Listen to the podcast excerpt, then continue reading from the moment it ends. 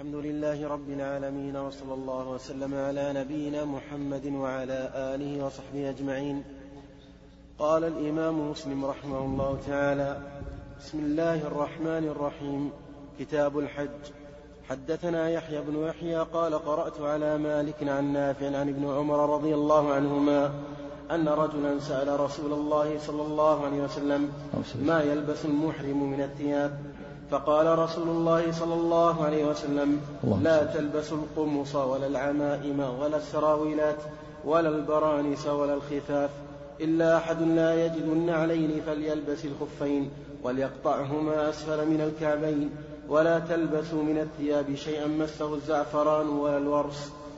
وحدثنا يحيى بن يحيى وعمر الناقد وزهير بن حرب كلهم عن ابن عيينة قال يحيى أخبرنا سفيان بن عيينة عن الزهري عن سالم عن أبيه رضي الله عنه قال سئل النبي صلى الله عليه وسلم ما يلبس المحرم؟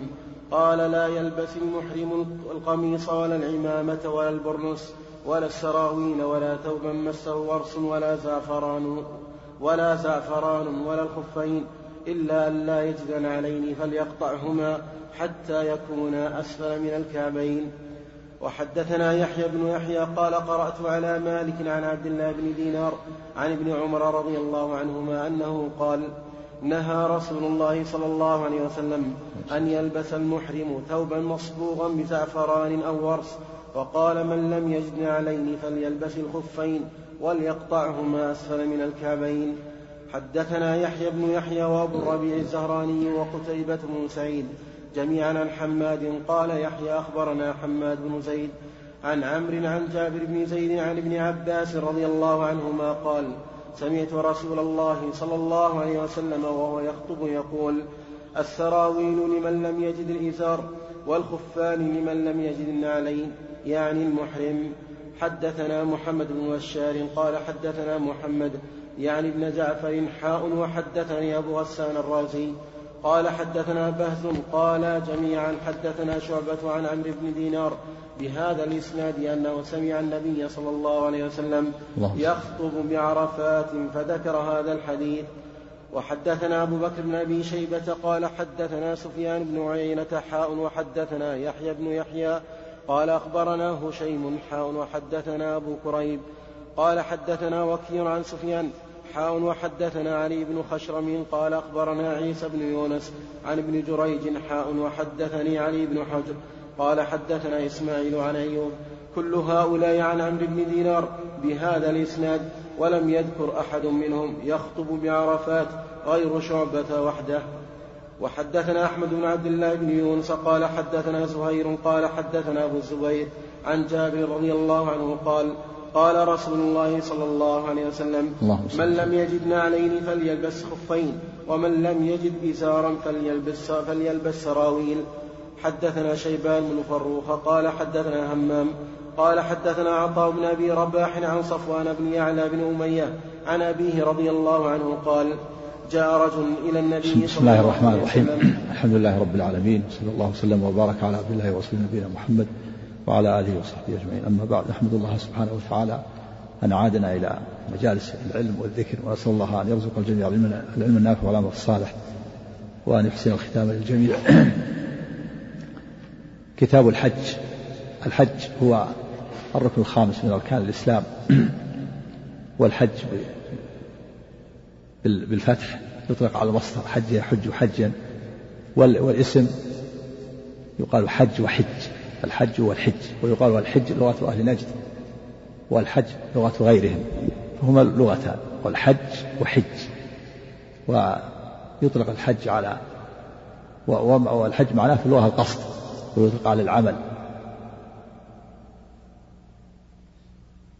والحج شرعا هو زيارة البيت الحرام في أوقات مخصوصة لأعمال مخصوصة والعمرة في اللغة الزيارة وشرعا زيارة البيت الحرام لأعمال مخصوصة. والحج هو الركن الخامس من أركان الإسلام. كما ثبت في الصحيحين من حديث ابن عمر رضي الله عنه أن النبي صلى الله عليه وسلم قال بني الإسلام على خمس شهادة أن لا إله إلا الله وأن محمدا رسول الله وإقام الصلاة وإيتاء الزكاة وصوم رمضان وحج بيت الله الحرام. هو الركن الخامس من أركان الإسلام. ولا يجب الحج إلا بشروط خمسة الشرط الأول الإسلام والشرط الثاني البلوغ والشرط الثالث العقل والشرط الرابع الحرية والشرط الخامس القدرة والاستطاعة. فإذا وجدت هذه الشروط وجب على الإنسان أن يحج. الشرط الأول الإسلام فالكافر لا يصح منه الإسلام في حال كفره. وليس معنى ذلك أنه أنه لا يعاقب على ترك الحج لا بل يعاقب على ترك الحج وعلى ترك الإيمان لكن لا يصح منه الحج في حال كفره بل يدعى إلى الإسلام أولا فإذا دخل في الإسلام وشهد, وشهد لله تعالى بالوحدانية ولنبيه محمد صلى الله عليه وسلم بالرسالة صح منه الحج. أما في حال كفره فلا يصح منه الحج ولا جميع الأعمال لأن الأعمال لا تصح إلا بالإيمان والتوحيد. جميع الأعمال جميع أعمال الكفار حابطة. قال تعالى وقدمنا إلى ما عملوا من عمل فجعلناه هباء مثورا قال سبحانه ولقد أوحي إليك وإلى الذين من قبلك لئن أشركت ليحبطن عملك ولا تكونن من الخاسرين. قال سبحانه ولو أشركوا لحبط عنهم ما كانوا يعملون. فلا تصح أعمال الكفرة. فما يعمله الكافر من أعمال من صلة الرحم من الصدقات في حال كفره قد يستفيد في الدنيا يثاب في الدنيا صحة في بدنه ووفرة في ماله وولده ثم ثم ثم يفضي إلى الآخرة ولا حسنة له نعوذ بالله. فمن شرط الحج الإسلام ومن شرطه البلوغ فالصبي لا يجب عليه الحج. لكن لو حج بإذن ولي صح من الحج حتى ولو كان صبيا في المهد كما سيأتي كما ثبت في حديث مسلم في صحيح مسلم أن النبي صلى الله عليه وسلم لقي قوما بالروحاء فسألوه فرفعت إليه امرأة صبيا في المهد فقالت ألي هذا حج قال نعم ولك أجر. إذا حج الصبي صح لكن لا لا يجزي عن حجة الإسلام. الشرط الثالث العقل. ففاقد العقل لا يصح منه الحج لأنه مرفوع عنه القلم. لحديث رفع القلم عن ثلاثة. وذكر منهم فاقد العقل. الشرط الرابع الحرية. العبد الذي يباع ويشترى لا يجب عليه الحج. لكن لو أذن له سيده في حج صح منه الحج ولكن لا يجزيه عن حجة الإسلام. فإذا اعتقه سيده وجب عليه الحج حجة الإسلام. لما ثبت في الحديث النبي صلى الله عليه وسلم قال أيما صبي حج ثم بلغ الحنث فعليه أن يحج حجة أخرى. وأيما عبد حج ثم أعتق فعليه أن يحج حجة أخرى. والصبي والعبد يصح منه الحج لكن لا يزيل مع حجة الإسلام. الشرط الخامس القدرة والاستطاعة. لقول الله تعالى ولله على الناس حج البيت من استطاع إليه سبيلا. والقدرة والاستطاعة نوعان استطاعة بالمال واستطاعة بالبدن. فإذا وجدت الاستطاعتان والقدرتان وجب عليه أن يحج ببدنه والحجة والقدرة بالبدن أن يستطيع الثبات على المركوب. أن يستطيع الثبات على المركوب على الراحلة وعلى الطائرة وعلى السيارة وعلى الباخرة. فإن كان شيخا كبيرا لا يثبت على المركوب أو امرأة كبيرة أو مريضا قرر الأطباء بأنه لا يرجى بره ولا يستطيع الثبات على المركوب فإنه يجب عليه الحج ببدنه. والحج والقدرة بالمال هو أن يكون عنده مال نفقة تكفيه الحج ذهابا وإيابا بعد نفقة أهله وقضاء ديونه وحوائجه الأصلية. فالحوائج الأصلية مثل النجار آلة النجارة آه، لا بد منها. وآلة الحدادة وطالب العلم كتب العلم هذه لا لا يقال انه إن هذا يبيع آلة النجارة والحدادة وكتب العلم ويحج. هذه نفقة حوائج أصلية لا بد منها. إذا كان عنده نفقة في ذهابا وإيابا بعد قضاء ديونه ونفقة أهله وقضاء وحوائجه الأصلية وجب عليه الحج بماله. إذا توفرت القدرتان قدرة بالبدن والقدرة بالمال وجب عليه الحج بنفسه. فإن فقدت القدرة بالبدن لا يستطيع الثبات على وعنده مال وجب عليه أن يحج بماله. بأن ينيب من يحج عنه. لما ثبت في صحيح البخاري أن امرأة من خثعم جاءت إلى النبي صلى الله عليه وسلم وهو في حجة الوداع فقالت يا رسول الله إن فريضة الله على عباده أدركت أبي شيخا كبيرا لا يثبت على الراحلة أفأحج عنه؟ قال حجي عن أبيك. دل على أن الذي لا يستطيع الثبات على المركوب يحج عنه إذا كان قادرا بالمال فإن لم يكن قادرا بالمال فليس عليه حج. وفي حديث ابن عمر وحديث ابن عباس وجابر دليل على أن المحرم ممنوع من هذه الأشياء الخمسة أو الستة وهي القمص والعمائم والبرانس والسراويلات. والخفاف وما صبغ بالطيب. هذه الأشياء يتجنبها المحرم. ولهذا في هذه في حديث ابن عمر وفي حديث ابن عباس وحديث جابر أن النبي صلى الله عليه وسلم سئل عما يلبس المحرم فقال لا يلبس القمص لا يلبس القميص ولا العمائم ولا السراويلات ولا البرانس ولا الخفاف ولا شيء مسه زعفر أو ورس. هذه يتجنبها المحرم. والسائل سأل النبي صلى الله عليه وسلم عما يلبس المحرم فأجابه بما لا يلبس. وهذا من أسلوب الحكيم. السائل سأل النبي صلى الله عليه وسلم عما يلبس عن الشيء الذي يلبس فأجابه بما لا يلبس بالشيء الذي لا يلبس. والسر في ذلك أن الذي يلبسه المحرم كثير لا حصر له. أما الذي لا يلبسه محصور. فكأن النبي صلى الله عليه وسلم قال هذه الأشياء لا تلبسها والباقي لك أن تلبسها.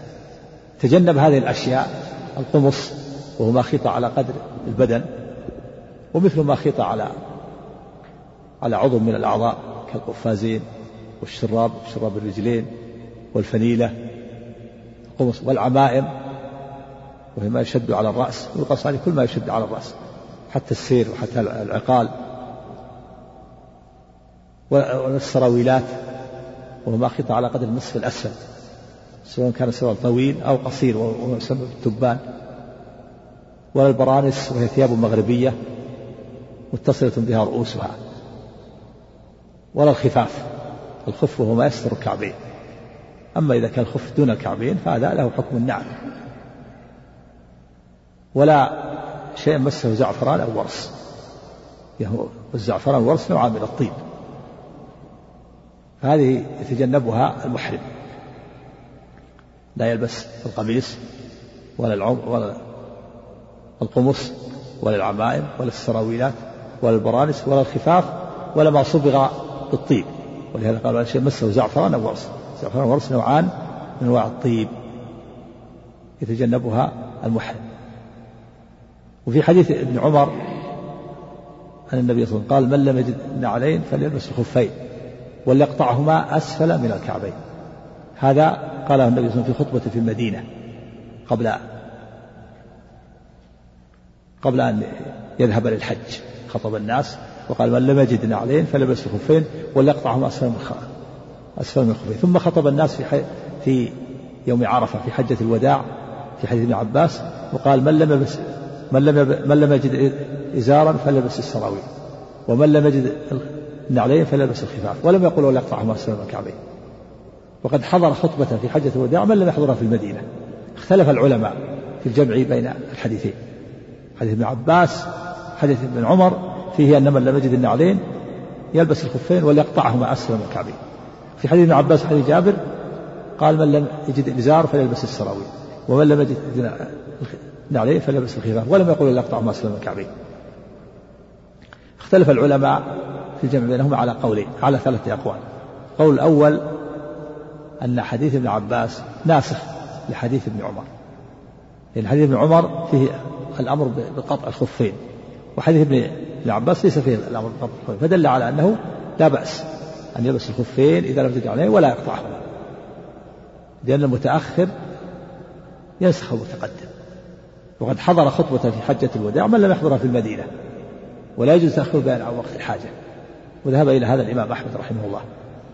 قال ويؤيد هذا أمران الأمر الأول أن النبي صلى الله عليه وسلم قال من لم يجد إزارا فليلبس السراويل. ولم يقل وليفتقهما.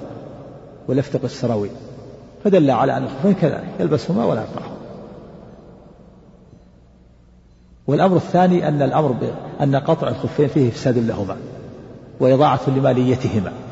وقد جاءت النصوص بالنهي عن إضاعة المال فهي تؤيد أن عدم القطع.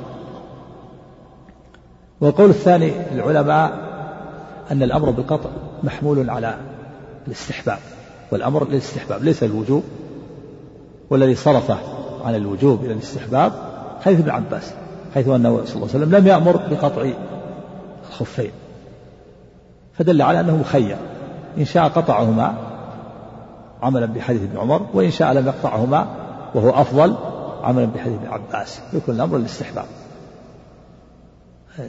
إن شاء فليقطع يكون الأمر بالقطع للاستحباب وعدم القطع للجواز. والأصل في الأوامر الوجوب لكن صرف الأمر بالقطع عن الوجوب إلى الاستحباب. حديث ابن عباس حيث أن النبي صلى الله عليه وسلم لم يأمره بقطعهما. والأمر الثالث والقول الثالث العلماء أنه يحمل المطلق على المقيد. وقالوا يجب قطع الخفين قطع الخفين لأن حديث ابن عباس مطلق. ليس فيه الأمر بقطعهما وحديث ابن عمر فيه الأمر بالقطع. والقاعدة الأصولية عند أهل العلم أن المطلق يحمل على المقيد. والخاص يخصصه يخصص العام. العام يخصصه الخاص والمطلق يحمل على المقيد. فحديث ابن عباس وحديث جابر مطلق ليس فيه القطع. وحديث ابن عمر فيه القطع فيحمل أحدهما على الآخر. فيجب القطع. والأرجح القول الأول. القول بالنسخ ثم يليه القول الثاني. والمحرم يتجنب هذه الأشياء محظورة الإحرام تسعة أشياء. دل عليها الاستقراء والتتبع للنصوص. منها لبس المخيط كما في هذا الحديث وتغطية الرأس. وأخذ الشعر وأخذ الأظافر والطيب والصيد وعقد النكاح والجماع ومباشرة النساء. هذه تسعة أشياء تحرم على المحرم إذا أحرم في حج أو في عمرة. والطيب ممنوع منه محرم كما في هذا الحديث. لا في لباسه أو في أكله أو في شربه. فلا يشرب المحرم قهوة فيها زعفران لأن الزعفران نوع من الطيب. كما أنه لا يلبس الثوب المصوب بالزعفران فلا يلبس فلا يشرب الطيب لا يشرب الزعفران لأن الزعفران نوع من الطيب. نعم. حدثنا شيبان بن فروخ قال حدثنا همام قال حدثنا عطاء بن أبي رباح فروخ مصروف. نعم. حدثنا شيبان بن فروخ قال حدثنا همام قال حدثنا عطاء بن أبي رباح عن صفوان بن يعلى بن أمية عن أبيه رضي الله عنه قال جاء رجل إلى النبي صلى الله عليه وسلم وبالجعرانه عليه جبة وعليها خلوق أو قال اثر صفرة؟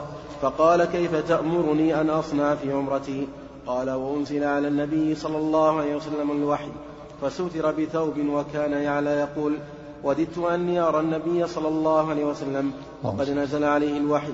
فقال فقال أيسرك أن تنظر إلى النبي صلى الله عليه وسلم وقد أنزل عليه الوحي. قال فرفع عمر طرف الثوب فنظرت إليه له غطيط. قال وأحسبه. قال كغطيط البكر. قال فلما سري عنه قال أين السائل عن العمرة؟ اغسل عنك أثر الصفرة أو قال أثر الخلوق واخلع, واخلع عنك جبتك واصنع في عمرتك ما أنت صانع في حجك.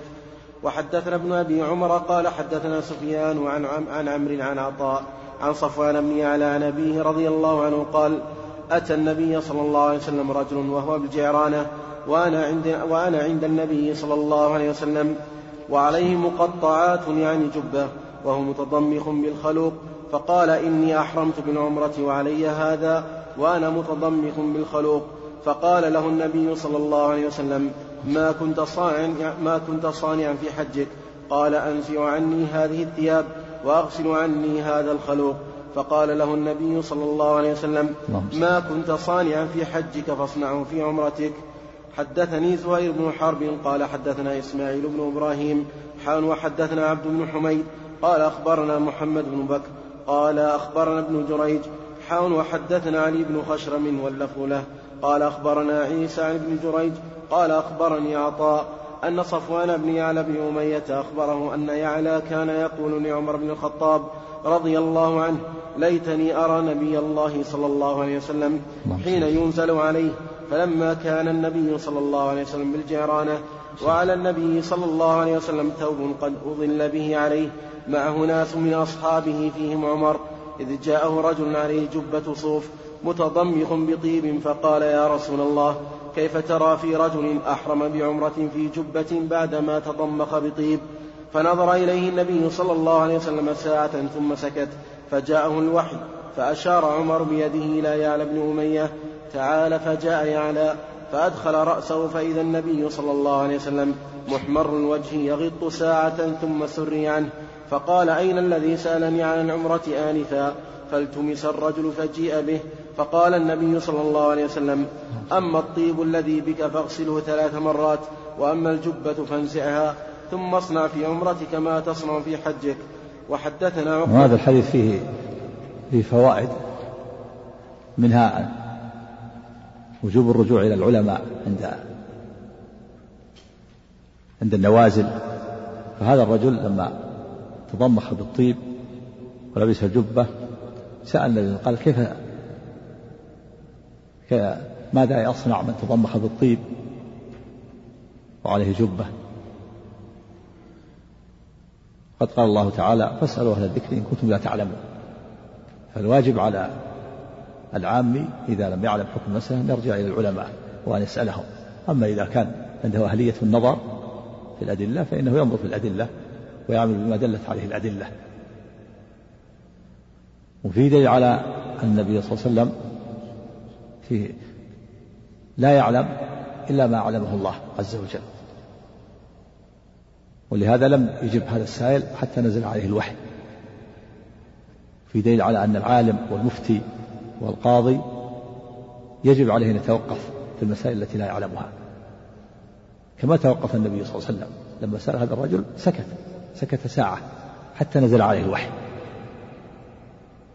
فكذلك العالم المفتي والقاضي إذا إذا لم يعلم حكم المسألة فإنه يتوقف ويمهل السائل إلى وقت آخر أو يرشده إلى غيره أو يقول لا أدري أو يقول الله أعلم. ثبت عن ابن مسعود رضي الله عنه أنه قال إن من العلم من العلم أن يقول أن يقول الإنسان لما لا يعلم الله أعلم. قال قال الله تعالى لنبيه قل ما أسألكم عليه من أجر وما أنا من المتكلفين. أو كما ثبت في البخاري عن ابن مسعود رضي الله عنه. ولا يجوز للإنسان أن يتكلم أن يفتي بشيء لا لا يعلم حكمه. بل عليه أن يتوقف. ولهذا توقف النبي صلى الله عليه وسلم وسكت ساعة حتى نزل عليه الوحي. وفي شدة الوحي على النبي صلى الله عليه وسلم. وأنه ولهذا أحمر وجهه عليه الصلاة والسلام ويغط كغطيط البكر بكر الفتى من الإبل. صوت كصوت النائم. ثم سري عنه كشف عنه. فقال أين الساعي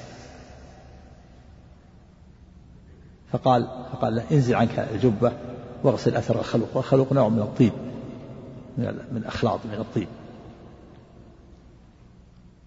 وفيه دليل على أن المحرم ممنوع من الطيب. ولهذا قال غسل الطيب. وممنوع من لبس المخيط ولهذا قال انزع الجبة. دل على أن المحرم لا يلبس المخيط ما خيط على قدر البدن. كما في حديث عمر السابق وحديث ابن عباس لا يلبس القمص. ولذا قال انزع الجبة واغسل أثر الطيب. فالمحرم ممنوع من الطيب ممنوع ممنوع من لبس المخيط. وفيه أن الجاهل معفو عنه ولا يؤمر ب وليس عليه فدية. ولهذا لم يجب النبي صلى الله عليه وسلم الفدية ما قال عليك الفدية؟ قال عليه انزع انزع الجبة واغسل أثر الطيب وفي اللفظ وفي اللفظ ثلاث مرات. ولم يقل ولم يجب عليه فدية لأنه جاهل. والصواب أن الجاهل والناس معفون عنه. أما العالم فإن عليه فدية. كما في حديث كعب بن عجرة كما سيأتي النبي الله عليه وسلم جاءه إليه والقمر يتناثر على وجهه فقال أيوديك هوام رأسك؟ احلق رأسك وانسك شاة أو أطعم ستة مساكين أو ستة أيام. أوجب عليه الفدية لأنه متعمد. متعمد محتاج. فالمحرم إذا احتاج إلى محظور من محظورة الإحرام كان يحتاج إلى تغطية رأسه لأن الوقت بارد أو لبس ثياب الصوف لأنه لا يتحمل البرد يلبس وعليه فدية. كما أرشد النبي صلى الله عليه وسلم كعب بن عجرة. أما إذا كان جاهلا فإنه معفو عنه كما في قصة هذا الرجل لم يجب عليه فدية. في الجاهل والناس معفو عنه في أصح قول العلماء. وذهب بعض العلماء إلى أنه عليه فدية وأنه ليس معفوا عنه. وذهب أيضا الحنابلة التفريق بين ما فيه إتلاف وما ليس فيه إتلاف. فما ليس فيه إتلاف مثل لبس المخيط وتغطية الرأس ليس فيه فدية. وما فيه إتلاف كحلق الرأس والطيب فإن فيه الفدية. والصواب عدم التفريق. أن الناس معفون عنه. ما عدا الجماع فيه كلام لأهل العلم. وفيه دليل على أن العمرة حكمها حكم الحج ولهذا قال اصنع في عمرتك ما أنت صانع في حجك يعني مما هو مشترك بينهما من الطواف والسعي وتحلل بحلق الرأس أو التقصير وما واجتناب المحظورات. اصنع في حجك في عمرتك ما تصنع في حجك أما ما هو ما يختص به الحج فلا مثل المبيت بعرفة ومزدلفة ورمي الجمار هذا خاص بالحج. اصنع في حجك ما أنت في عمرتك ما تصنع في حجك مما هو مشترك بينهما. ولا يلزم من هذا أن يكون طواف الوداع واجب العمرة. احتج بعض العلماء بهذا الحديث على أن طواف العمرة واجب. قالوا لقوله اصنع في عمرتك ما أنت صانع في حجك. والحج يطوف الوداع فكذلك المعتمر يطوف الوداع. فأوجبوا عليه الوداع ويفتي بهذا فضيلة الشيخ محمد العثيمين رحمه الله وهو قول لبعض العلماء. والقول الثاني جمهور العلماء أنه أن أن طواف الوداع خاص بالحج وهو الصواب. وهو قول جمهور العلماء. وهو اللي افتي به سماحة الشيخ الشيخ عبد العزيز بن باز رحمه الله وهو قول الجماهير. والدليل على هذا أن النبي صلى الله عليه وسلم إنما لا لما رأى الناس ينفرون من كل وجه في حجة الوداع قال لا ينفرن أحد حتى لا يكون حتى يكون آخر عهدي بالبيت. قال ابن عباس أمر الناس أن يكون آخر عهد بالبيت إلا أن خف عن الحائض هذا في الحج. ولكن أما طواف أما العمرة فإن طواف الوداع مستحب. مستحب وأحوط لكن ليس بواجب في أصح قول العلماء. نعم. وحدثنا عقبة بن مكرم العمي. ومحمد بن رافع واللفظ لابن رافع قال حدثنا وهب بن جرير بن حازم قال حدثنا أبي قال سمعت قيسا يحدث عن عطاء عن صفوان بن يعلى بن أمية عن أبيه رضي الله عنه أن رجلا أتى النبي صلى الله عليه وسلم وهو بالجعرانة قد أهل بالعمرة وهو مصفر لحيته ورأسه وعليه جبة فقال يا رسول الله إني أحرمت بعمرة وأنا كما ترى. فقال انزع عنك الجبة واغسل عنك الصفرة وما كنت صانعا في في حجك فاصنعه في عمرتك. نعم الصفرة طيب يعني صفر اللحية يعني بالطيب نعم. وحد نعم. لا من باب المبالغة المهم مهم زوال زوال أثر الطيب نعم. حدثني إسحاق بن منصور قال أخبرنا إذا زال الطيب يكفي نعم هذا من المبالغة نعم. وحدثني إسحاق بن منصور قال أخبرنا أبو علي عبيد الله بن عبد المجيد قال حدثنا رباح بن أبي معروف قال سمعت عطاء قال أخبرني صفوان بن يعلى عن أبيه رضي الله عنه قال يعني أغسل ثلاثة حتى تحقق تحقق من زوال أثر الطيب. فإذا لأنه قد لا يزول أثره في المرة الأولى أو في الثانية. فأمر أن يغسله ثلاثا حتى يتحقق من زواله أثر الطيب. نعم. نعم. لا لا ما هذا إذا غسله الحمد لله. زال أثر الطيب المحذور الطيب. نعم. قال أخبرني صفوان بن يعلى عن أبيه رضي الله عنه قال كنا مع رسول الله صلى الله عليه وسلم. فأتاه رجل عليه جبة بها أثر من خلوق فقال يا رسول الله إني أحرمت بعمرة فكيف أفعل؟ فسكت عنه فلم يرجع إليه وكان عمر يستره إذا أنزل عليه الوحي يضله فقلت لعمر رضي الله عنه إني أحب إذا أنزل عليه الوحي أن أدخل رأسي معه بالثوب. فلما أنزل عليه خمره عمر رضي الله عنه بالثوب فجئت فأدخلت رأسي معه بالثوب فنظرت إليه فلما سري عنه قال أين السائل آنفا عن العمرة؟ فقام إليه الرجل فقال انزع عنك جبتك واغسل أثر الخلوق الذي بك وافعل في عمرتك ما كنت فاعلا في حجك. حدثنا يحيى بن يحيى وخلف بن هشام وأبو الربيع وقتيبة جميعا عن حماد قال يحيى أخبرنا حماد بن زيد عن عمرو بن دينار عن طاووس عن طاووس عن ابن عباس رضي الله عنهما قال وقت رسول الله صلى الله عليه وسلم.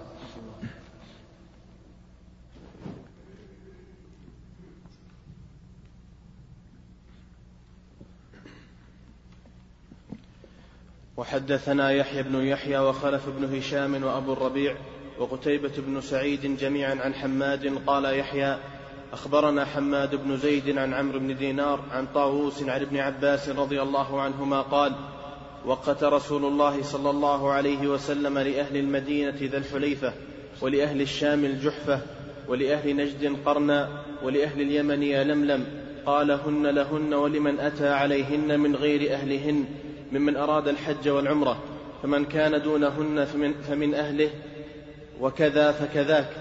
حتى أهل حتى أهل مكة يهلون منها. وكذا فكذلك. وكذا فذاك. فذاك. فذاك. فكذاك. وكذا فكذاك. تكلم عليه الشارع. في نسخة المطبوع فكذلك. كذاك. أشار إليها المحقق طيب نعم. حدثنا أبو بكر بن أبي شيبة قال حدثنا يحيى بن آدم قال حدثنا وهيب قال حدثنا عبد الله بن طاووس عن أبيه عن ابن عباس رضي الله عنهما أن رسول الله صلى الله عليه وسلم وقت, وقت لأهل المدينة ذا الحليفة ولأهل الشام الجحفة ولأهل نجد قرن المنازل ولأهل اليمن يلملم وقال هن لهن ولكل آت أتى عليهن من غير أهلهن ممن أراد الحج والعمرة ومن كان دون ذلك فمن حيث أنشأ حتى أهل مكة من مكة. وحدثنا يحيى بن يحيى. وهذا الحديث حديث ابن عباس فيه بيان المواقيت. المواقيت جمع ميقات. وأصله ميقات تحركت الواو فتح ما قبلها فقلبت ياء فصارت ميقات. والميقات والمواقيت نوعان. مواقيت زمانية ومواقيت مكانية. فالمواقيت الزمانية للحج ثلاثة أشهر. شوال وذو القعدة وذو الحجة. هذه المواقيت المكانية الزمانية. والمواقيت المكانية هذه المواقيت التي حددها رسول الله صلى الله عليه وسلم كما في حديث ابن عباس وقت رسول لأهل المدينة ذا الحليفة. ذا الحليفة تصغير حلفة وهو نوع من الشجر يكثر في هذا في الوادي فسمي ذا الحليفة. الحليفة جمع جمع آه، تصغير حلفة. حلفة نوع من الشجر ويسمى اليوم أبيار علي وهي أبعد المواقيت من مكة. بينه وبين مكة عشرة مراحل. ولأهل ولأهل الشام ومصر والمغرب الجحفة. وهي قرية خربت آه، منذ زمن ثم فصار الناس يحرمون من رابغ. ورابغ قبلها بيسير ثم أعيدت الآن. الجحفة أعيد الميقات الآن وصار فيها الآن ميقات في مسجد يحرم الناس من الجحفة الآن. سميت جحفة لأن جاء سيل واجتحفها والميقات الثالث لأهل اليمن ميقات يلملم ويسمى السعدية. كل من جاء من جهة الساحل يحرم من يلملم. والميقات الرابع قرن المنازل لأهل نجد. من جاء من جهة من أهل نجد ومن جهة الطائف يحرم من من قرن المنازل. ويقال له قرن.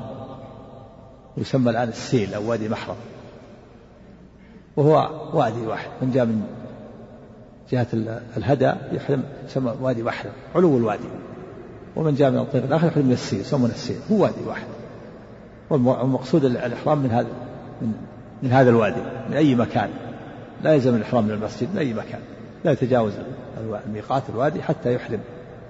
والميقات الخامس سيأتي آه، ميقات أهل المشرق وأهل العراق ذات عرق يسمى الضريبة.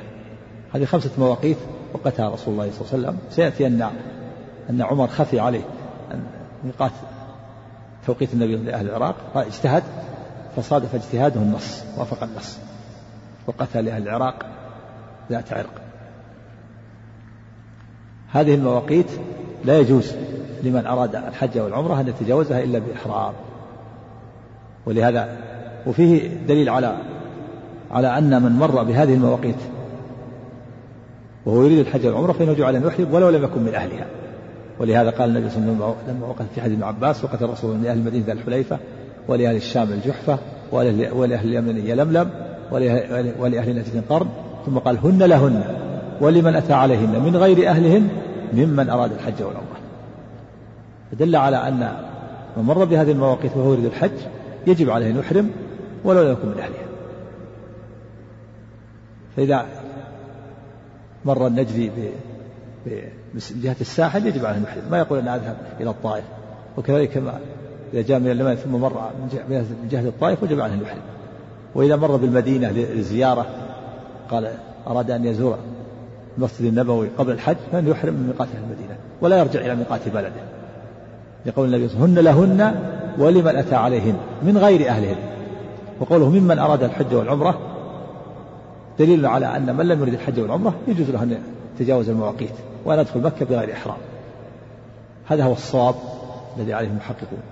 وذهب الحنابلة وجماعة من العلم إلى أن كل داخل إلى مكة يجب عليه أن يحرم. قالوا هذا من خصائص الحرم يجب كل من دخل مكة عليه أن يحرم بعمرة. قالوا ويستثنى من هذا من يكثر تكرار دخوله إلى مكة. قالوا مثلوا لهذا بالحطاب والحشاش اللي يحتش يأخذ الحطب أو الحشيش. ومثله الآن سائق السيارة. صاحب السيارة تاكسي موزين يتردد على مكة هذا مستثنى. مرة واحدة ويكفي. والصواب أنه لا يجب عليه مطلقا إلا إذا أراد الحج والعمرة. لأن النبي صلى الله عليه وسلم قال ممن أراد الحج والعمرة. إذا أراد دخول مكة لا, لا يريد الحج ولا يريد العمرة وإنما يريد زيارة زيارة أقارب له أو دخلها للتجارة أو لغير ذلك من من المقاصد فإنه لا يجب عليه. لكن الأفضل له أن يحرم بعمرة وأن لا يحرم نفسه الثواب والأجر. نعم. نعم. إيش؟ هو السيل وادي محرم هو واحد هو نعم. وش؟ وادي محرم هو هو هو قرن المازن يسمى قرن المازن بس الناس يسمونه وادي محرم يسمونه السيل هو قرن المازن هذا حد الرسول عليه. قرن المنازل يسمى الآن وادي محرم والسيل. علو الوادي يسمى وادي محرم إذا جئت من جهة الهدى وإذا جئت من من أسفل يكون يسمى السيل هو واحد وادي واحد هو قرن المنازل نعم. نعم. الشامي؟ إيه. لا ليس له ذلك. الصواب. في خلاف أهل العلم لكن الصواب أنه لا يجوز له أن يتجاوز ذي الحليفة إذا زار المدينة. نعم. وحدثنا يحيى بن يحيى قال قرأت على مالك عن نافع عن ابن عمر رضي الله عنهما أن رسول الله صلى الله عليه وسلم قال اللهم يهل أهل المدينة من ذي الحليفة وأهل نجد من قرن وأهل الشام من الجحفة. قال عبد الله وبلغني أن رسول الله صلى الله عليه وسلم قال ويهل أهل اليمن من, من, من يلملم. نعم قالوا يهل خبر بمعنى الأمر والمعنى أهل خبر بمعنى الأمر مثل قول تعالى والمطلقات يتربصن بأنفسهن ثلاثة قروء يعني ليه تتربص ثلاثة قروء هذا خبر بمعنى الأمر كما في الحديث الآخر النبي وقت لأهله ولم يهل يعني أهلوا مثل قوله عليه السلام صلاة الليل مثنى مثنى. هذا خبر بمعنى الأمر. وهذا من ورع عبد الله بن عمر قال وبلغني النبي قال ويهل أهل اليمن من يلملم وهذا الذي بلغ ثابت. ثابت في في حديث ابن عباس في غيره. لكن من ورعه رضي الله عنه ما تأكد من ميقات أهل اليمن. قال وبلغني أن أهل النبي قال ويهل أهل اليمن يلام وهذا الذي بلغ ثابت. ثابت في حديث عباس. نعم. وحدثني زهير بن حرب وابن أبي عمر قال ابن أبي عمر حدثنا سفيان عن الزهري عن سالم عن أبيه رضي الله عنه أن رسول الله صلى الله عليه وسلم قال يهل أهل المدينة من ذي الحليفة ويهل أهل الشام من الجحفة ويهل أهل نجد من قرن. قال ابن عمر وذكر لي ولم أسمع أن رسول الله صلى الله عليه وسلم قال ويهل أهل اليمن من يلملم. وحدثني حرملة بن يحيى قال أخبرنا ابن وهب قال أخبرني يونس عن ابن شهاب عن سالم عن عبد الله بن عمر بن الخطاب رضي الله عنه عن أبيه قال سمعت رسول الله صلى الله عليه وسلم يقول مهل أهل المدينة ذو الحليفة. مهل. مهل أهل, أهل المدينة ذو الحليفة ومهل أهل الشام مهيعة وهي الجحفة ومهل أهل نجد قرن. قال عبد الله بن عمر رضي الله عنهما وزعموا أن رسول الله صلى الله عليه وسلم ولم أسمع ذلك منه. قال ومهل أهل اليمن يلملم نعم وزعموا يعني قالوا. الزعم يأتي بمعنى القول ويأتي بمعنى الدعاء الكاذب الدعوة الكاذبة. يعني قال قالوا وهذا من ورعه رضي الله قال زعموا أنه قال ولم أسمعه. وقولوا مهل مثل يهل. خبر بمعنى الأمر. مهل مصدر أهل يهل مهلا. نعم. حدثنا يحيى بن يحيى ويحيى بن أيوب وقتيبة بن سعيد وعلي بن حجر. قال يحيى أخبرنا وقال الآخرون حدثنا إسماعيل بن جعفر عن عبد الله بن دينار أنه سمع ابن عمر رضي الله عنهما قال أمر رسول الله صلى الله عليه وسلم أهل المدينة أن يهلوا من ذي الحليفة وأهل الشام من الجحفة وأهل نجد من, قرن. وقال عبد الله بن عمر رضي الله عنهما وأخبرت أنه قال ويهل أهل اليمن من يلملم. نعم وهذا قول أمر أمر. هذا دليل على أن الخبر السابق بمعنى الأمر أمر أن أهل المدينة أن يهلوا. نعم.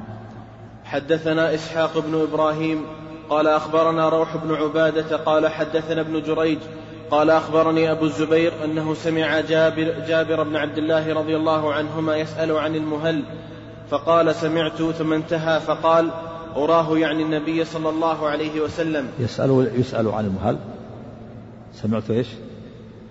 أنه سمع جابر بن عبد الله رضي الله عنهما يسأل عن المهل. نعم. فقال سمعت ثم انتهى. أصل الإهلاء رفع الصوت بالتلبية. يعني ألو... يعني يسأل عن المهل يعني عن المكان الذي يهل منه ويرفع صوته بالتلبية ويحرم يعني مكان الإحرام. نعم. وحدثني محمد بن حاتم وعبد بن وأصله أن أن من رأى الهلال رفع صوته. نعم. نعم. وحدثني زيادة؟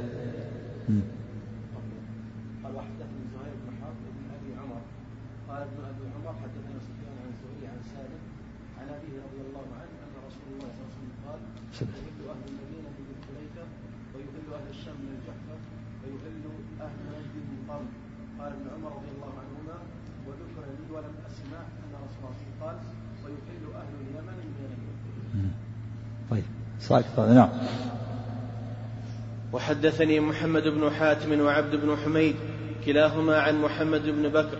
قال عبد أخبرنا محمد قال أخبرنا ابن جريج قال أخبرني أبو الزبير أنه سمع جابر بن عبد الله رضي الله عنهما يسأل عن المهل فقال سمعت أحسبه رفع الحديث إلى النبي صلى الله عليه وسلم فقال مهل أهل المدينة من ذي الحليفة والطريق الآخر الجحفة ومهل أهل العراق من ذات عرق ومهل أهل نجد من قرن ومهل أهل اليمن من يلملم.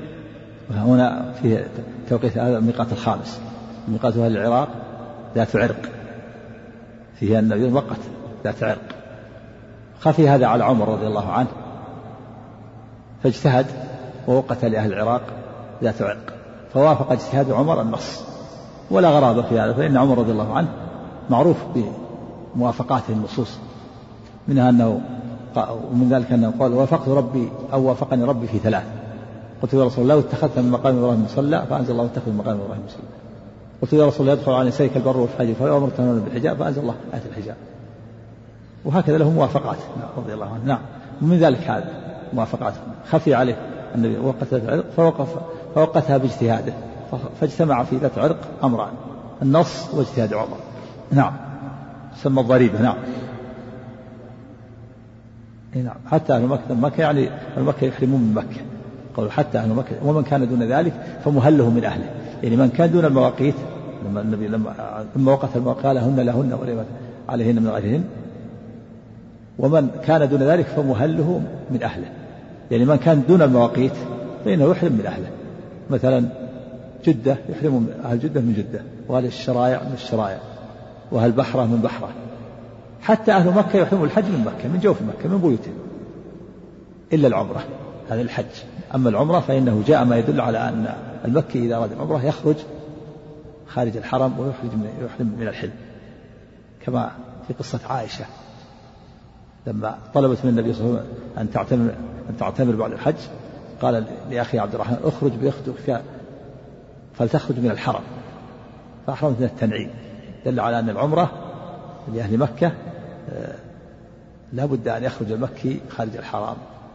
وأقرب وأقرب الحل لأهل مكة التنعيم. نعم. نعم. القارن هو المتمتع يحرم نعم إذا أحرم بالحج يغلب جانب الحج هنا. إذا كان قارن يغلب جانب الحج. لكن الأولى لا يقرن معروف مكي ما لكن لو كان متمتع ما كان عليه دم. لو جاء مثلا خرج خارج مكة ثم تمتع. لكن في هذه الحالة هم مأمور بالحج. نعم. يحرم من مكة لكن نعم. حدثنا يحيى بن يحيى التميمي قال قرأت على مالك عن نافع عن عبد الله بن عمر رضي الله عنهما أن تلبية رسول الله صلى الله عليه وسلم الله على التلبية